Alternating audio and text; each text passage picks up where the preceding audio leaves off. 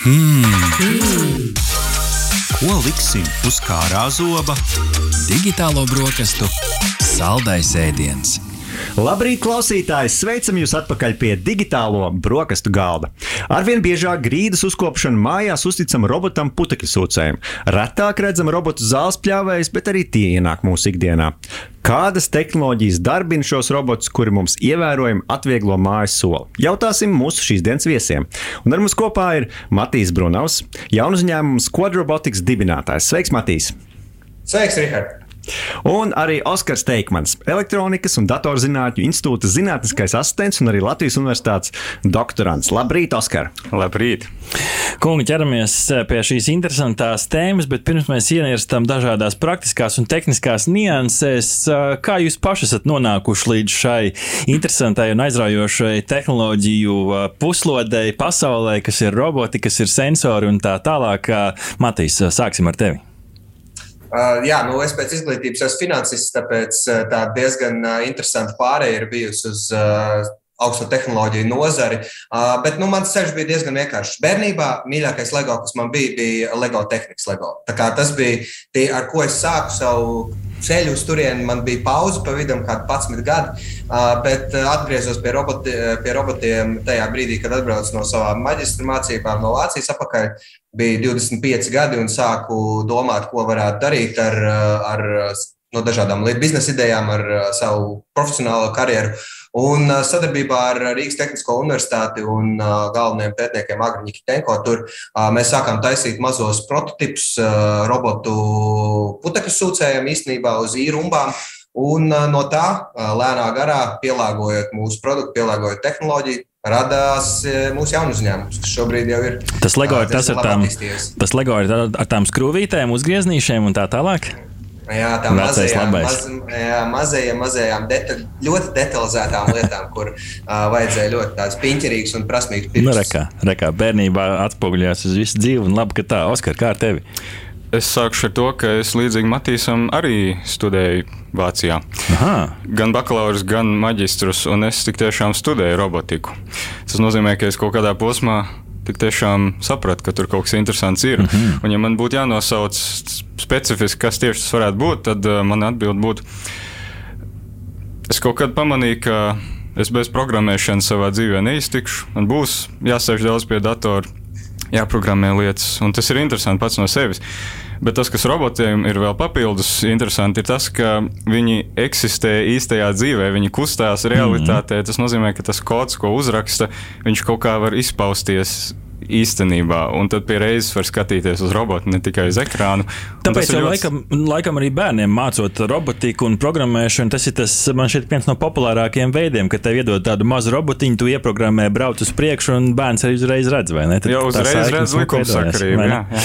Nu, labi, ķeramies klāt šīs dienas sarunai. Parunāsim varbūt sākumā par to tehnoloģisko pusi. Man šķiet, ka Rihard, tā viena lieta, par ko sākumā, pašā sākumā, vienalga, ko tu nopērci, zāles pļāvēs vai putekļu sūcējs, cilvēki ir pārsteigti par to, kā, kā viņš zina, kur braukt, kur neieskriet, kur ir krēsls, kur ir siena, kā tas viss strādā. Kas, kādas tehnoloģijas, varbūt sāksim ar Oskaru, kas ir tas, kas palīdz robotam, vienalga kāds liels vai mazs, orientēties telpā un atpazīt jebkādus objektus. Sākšu atklāt ar to, ka es neesmu putekļu sūcēju un, uh, un zāles pļāvēju robotu eksperts. Bet par laimi robots ir robots, un ļoti daudziem robotiem ir līdzīgi principi, kas kaut kā viņus visus vieno. Un, uh, man liekas, es sākšu ar analoģiju. Ja, ja cilvēkam ir aizsietas acis, un uh, viņam pasaka, tagad pārvietojies pa istabu. Ko cilvēks darīs? Nu, viņš lēnām kustēsies uz priekšu, tik ātri, cik jūtas komfortabli.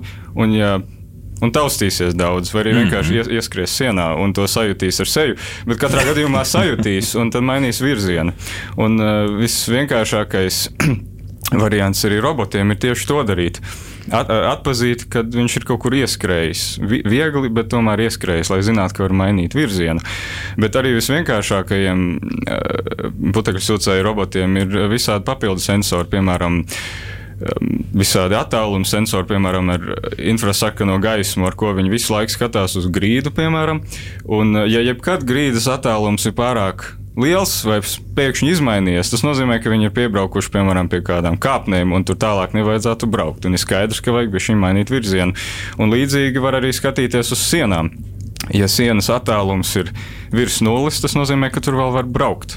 Un, eh, ja nē, tad, tad arī vajag mainīt virzienu. Un, protams, ka tad ir vēl tālākas attīstības, ir visādi sensori, kas noskanē visu telpu un var uztaisīt karti, kurā robots faktiski tā kā pa Google Maps var orientēties un pa īstam braukt, eh, plānot pa īstam, pa kurien konkrēti viņš izbrauks. Mm -hmm. Tā kā metodas ir visādi. Matīs, uh, jā, droši papildini, protams. No, Oskars, Oskars stāstīja tādu ļoti skaistu tehnoloģijas attīstības vēsturi, tīpaši sākot ar to, ka pirmie roboti bija tieši tādi, ka viņi kustējās uz priekšu līdz brīdim, kad bumpers atdūrās pret sienu, tad viņi mainīja savu virzienu un brauc tālāk. Bet, kā jau arī Oskars teica, tagad tās tehnoloģijas ir attīstījušās, un mums nāk iekšā jauni sensori, kā 2D lideri, kas griežās apkārt vienā plaknē un no, nosaka attālumu līdz Tas ir kā sikspārnis. Līdzīgi kā sikspārnis strādā. Sikspārnis darbotos ar ultraskaņu, bet, bet lāzers, tas ir vienkārši lāzers, kas griežās un attālumu mēr. Hmm. Bet kameras, lidari, tās visas lietas ir vajadzīgas, lai sakombinētu to informāciju no tiem sensoriem un nodotu viņu tam robotam. Tajā brīdī robots pats apstrādā, nu, algoritmu apstrādā informāciju no sensoriem un izplāno, kā ir jābrauc cauri telpai. Un, lai nedaudz papildinātu Matīsu, kas pieminēja lāzerus, tur runa ir par infrasarkaniem lāzeriem, mm. ko ar cilvēku acīm nevar redzēt. Tas nozīmē, ka nav tā, ka robots brauc pa istabu un taisa tur disko. Mm -hmm. Tā tur īsti nav neredzami lāzeri, ko tikai viņš redz. Jā, es varbūt vēl paprecizēšu vienu lietu. Nu, man priekšā ir krēsls, es saprotu, ka tas ir krēsls, un man priekšā ir siena. Nu, ja es esmu tāds vienkāršs robots, nu, abi divi tādi šķēršļi. Kā var atšķirt, ka tam vienam var apbraukt riņķī, a otrs ir, nu, tā teikt, noslēdzošs un tur tālāk cauri netiks? Matīs, kā ir ar tiem industriāliem robotiem? À, nu, industriālajiem robotiem tas ir ļoti būtiski, tāpēc, ka, ja ir industriāls robots, salīdzinot ar mājas robotu, mājas robots uzbrauc tev uz kājas, viņš atdurās un aizbrauc tālāk. Industriālajie roboti ir 500 līdz 600 kg smagi, tāpēc viņiem ir ļoti būtiski noteikt, kāds ir šķērslis. Nu, pirmkārt, viņi nedrīkst pieskarties nekam, bet viņiem ir jābūt ļoti specifiski jāšķir šķērslis un tam jāapbrauc. Mūsu gadījumā nu, to nodrošina dažādas tās tehnoloģijas. Tas ir algoritmi, kas paņem informāciju no kameras datiem, saprot, ka tas ir ir statisks šķērslis un izplāno, plānotājs izplāno, kā braukt uz šķērsli. Bet informācija principā tiek ieņemta no sensoriem. Viņi saprot, identificē, klasificē, saucam, kā gribam, ka tas ir šķērslis, un plānotājs robotam izdomā, kā braukt to šķērsli. Uh -huh, uh -huh. Mēs laikam pat, uh, laikam pat sapratam. Uh, tās analogijas arī palīdzējuši labāk izprast. Varbūt vēl viens aspekts, ja mēs skatāmies tādu uz tādām pamatfunkcijām robotiem. Nu, viens ir orientēties telpā, otrs ir pārvietoties. Varbūt arī paturpināsim ar Matīsu, kas ir galvenās komponentes, lai robots spētu pārvietoties. Komponents, kas varbūt varētu būt arī tiem putekļu sūcējiem un, un zāles pļāvējiem un citiem kustīgiem objektiem, kas varētu būt arī pie mums mājās. Nu, noteikti, noteikti svarīgākie ir divi motori, kas kustina riteņus. Mūsu putekļu sūcējiem, kas mums ir mājās, ir tā saucamā diferencētā piedziņa, kas kustina katru riteni savā virzienā un neatkarīgi viena no otra. Tāpēc tas ļauj tam robotam pagriezties. Mūsu gadījumā priekš industriālajām iekārtām ir gan diferenciētā piedziņa, gan dažos, dažos izņēmumos ir arī stūres mehānisms. Tāpēc tur ienāk tā trešā komponente, kas ļauj kustināt motors, kas kustina stūri stūri un uh, nosaka virzienu. Bet pavisam vienkāršākiem robotiem, jā, tas ir uh, piedziņa riteņiem, kas vienkārši katra savu riteni kustina un tādā veidā stūrē to robotu uz priekšu. Oskar, cik augstiem šķēršļiem šādi roboti var tikt pāri? Nu, tie parastie mājas roboti dzirdēs, ka divi centimetri var kaut kur uzbraukt un tā tālāk. Kas to nosaka? Nu, teiksim, vai varētu arī šāds robots rāpties augšā pa trepēm, vai, vai tas ir pārāk sarežģīti priekš tādu plašpatēriņu lietām? Es teiktu, ka inženieri, kas izstrādā robotus, parasti arī domā, kas dzīvokļos mājās atrodas, mm -hmm. ar ko eh, tiem robotiem vajadzētu spēt rēķināties. Un, uh, nav īstenībā pārāk daudz šķēršļu, kuriem vajadzētu varēt pārbraukt. Turbūt kaut kādas liekšņas starp durvīm, vai arī tepeķi, kas var, varbūt bija viņa augstāk. Un, ja tiem var uzbraukt, tad jau pa lielam viss ir noklāts.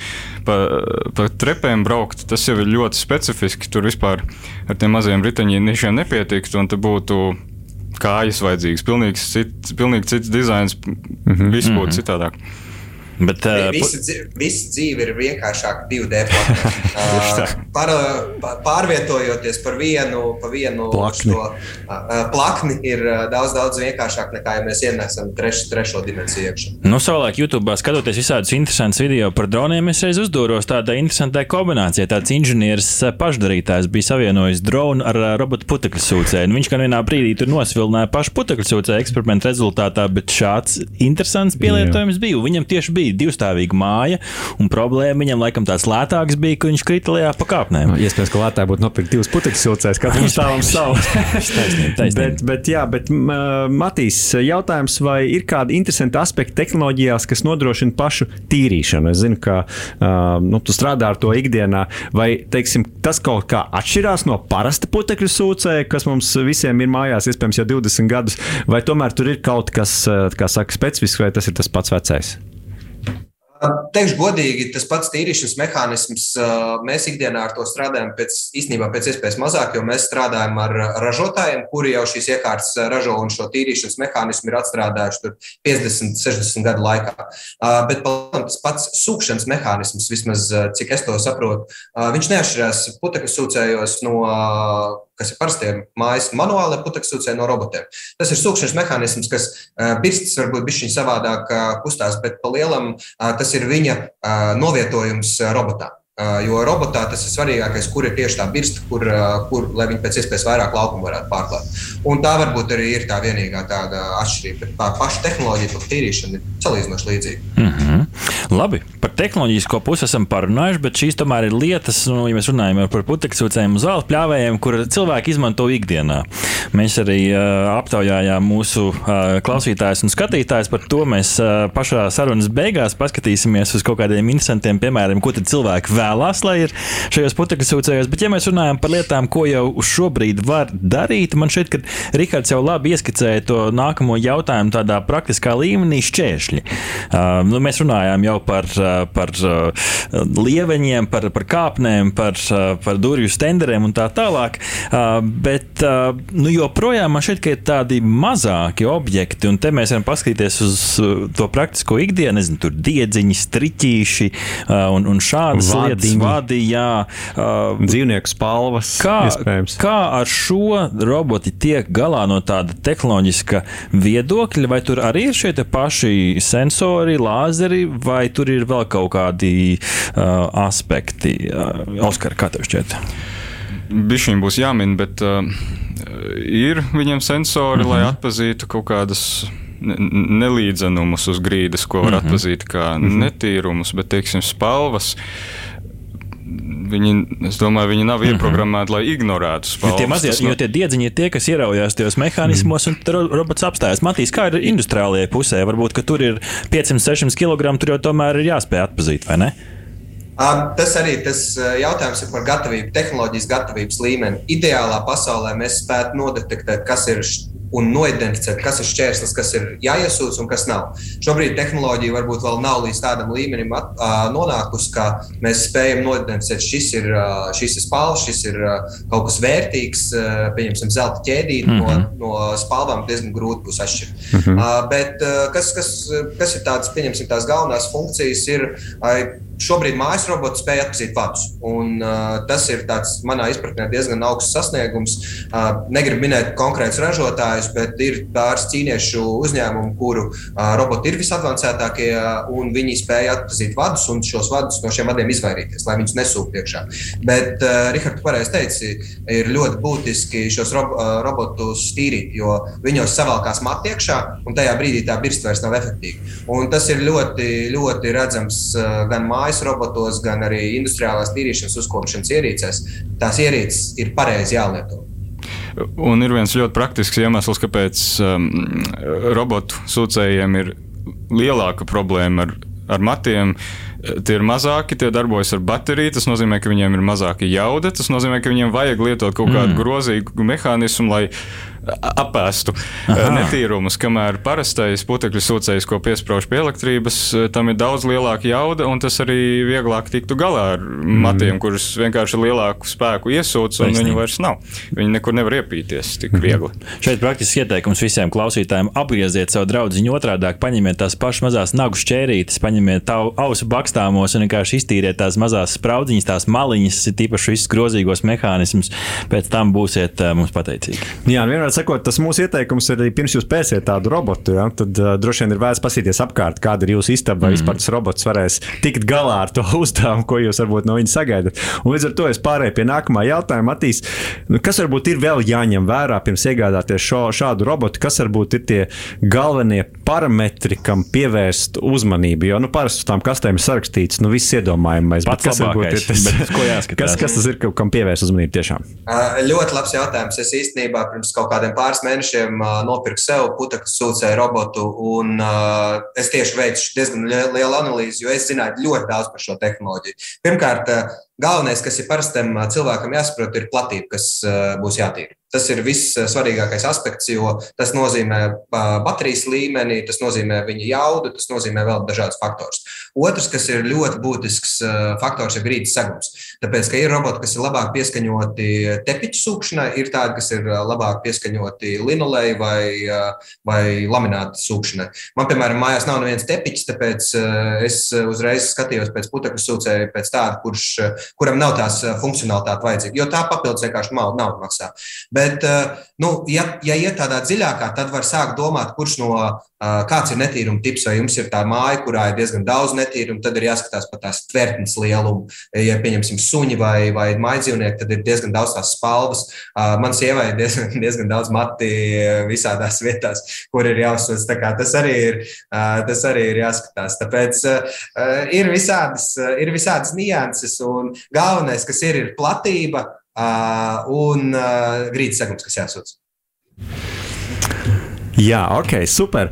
Vienmēr cikot, man liekas, ļoti praktiski un uh, labi ieteikumi priekš klausītājiem, lai nu, izdarītu varbūt pareizo izvēli attiecībā uz savu uh, putekļu sūcēju. Un droši vien, kad, nu, ja mēs runājam par zāles pļāvēm, tad ideja jau ir līdzīga. Mm. Ir jārēķina tas lielums, tas uh, laukums, jo ir svarīgi, ka tomēr tā baterija pietiek, lai visu uh, nopļautu. Jo ir, ir bijuši gadījumi, kad uh, ne visi, ne visi putekļu sūcēji, ne visi zāles pļāvēji tik gudri, ka viņi pabeidz iesākt to darbu. Viņi, viņi reizēm atkal sāk no jauna, pēc tam, kad ir uzlādējuši iemācījušies. Tas, tas būtu. Bet par šiem zāles pļāvējiem, nu, praktiski lieta, kas man vienmēr ir interesējusi. Nu, dzīvo, ar dzīvokli skaidrs, nu, tur tev ir sienas, tās ir robežas, un līdz ar to robots ar to dažādām metodēm, vienalga, vai, primitīvām vai, vai, vai lāzeriem, saprot, kur braukt un kur ir robežas. Bet kā, ja man ir atvērta tipa dārziņš, zālīte apkārt, un man nav sēta, man nav kur ieskriet. Kā šajos gadījumos ir kaut kāda lietotne, kur tu kaut ko ar kaut citām tehnoloģijām, jā, kā tās jā, robežas noliek zāles ļāvē? Ir kāda, kāda zināšana par šo? Varētu būt, ka viņas noliek virtuāli vai arī kaut kādu vadu ieroku zemē. Tā mēs esam dzirdējuši. Jā, uh, nu es, nu, es varu no savas puses piekomentēt to, ka uh, zāles pļāvēja tehnoloģija ir principā tā kā vecās uh, īrums tehnoloģija. Viņi strādā lielākoties uz odometriju un uh, advancētākiem modeļiem ir uh, iebūvēts GPS moduls.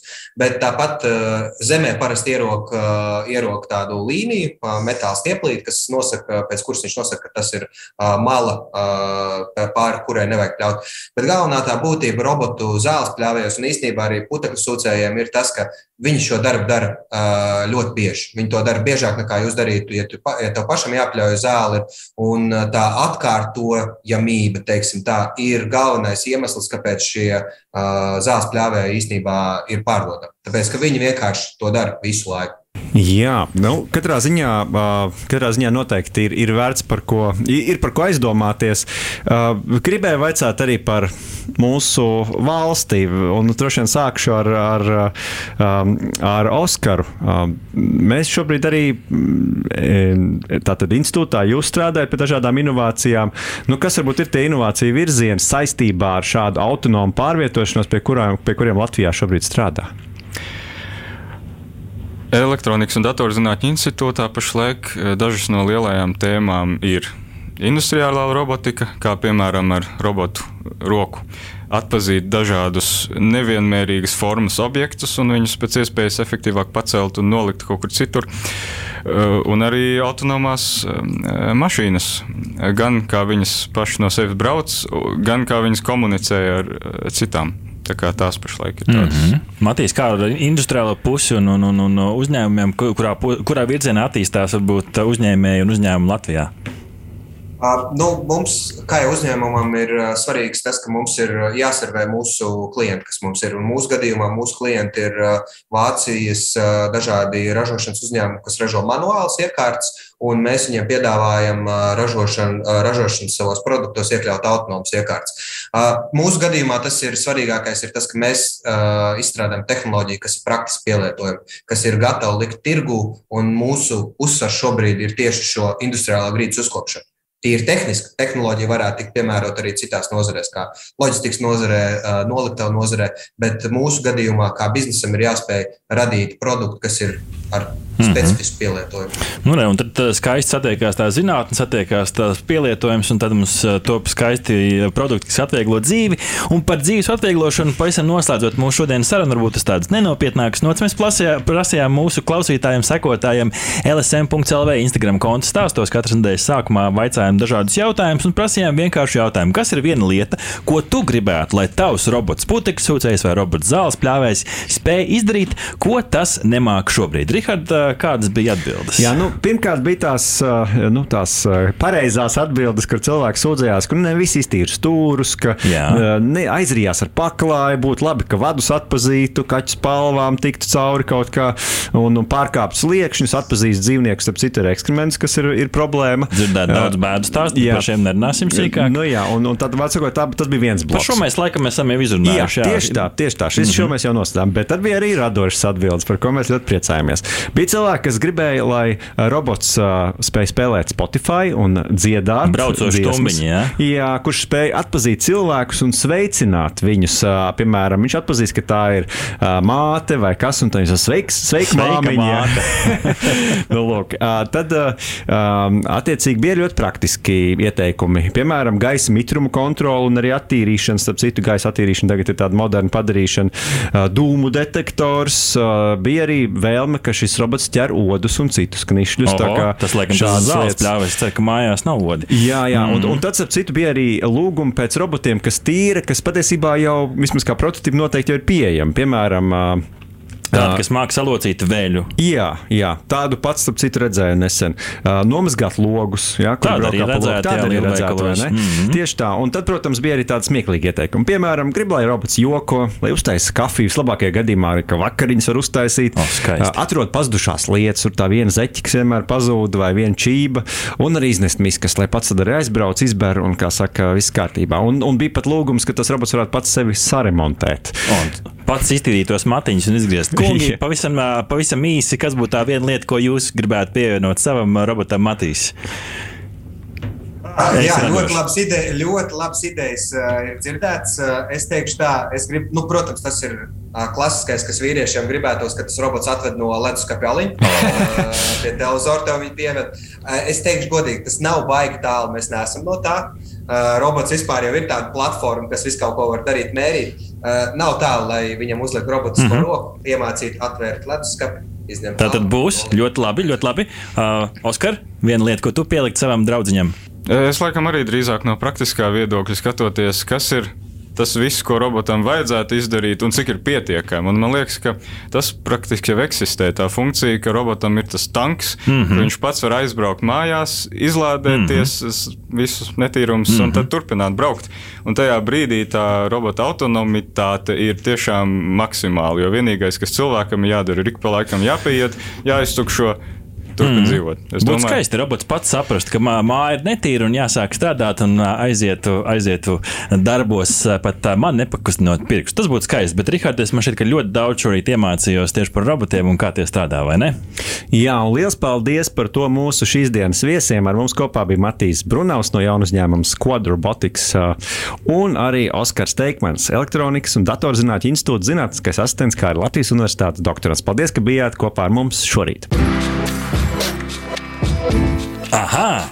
Paldies, ka noklausījāties mūsu līdz galam! Ja patika, uzspied laiku, atstāj komentāru vai padalies ar draugiem. Un nobauda arī citas epizodes, kā arī seko mums, lai nepalaistu garām savu ikdienas tehnoloģiju ziņu devumu.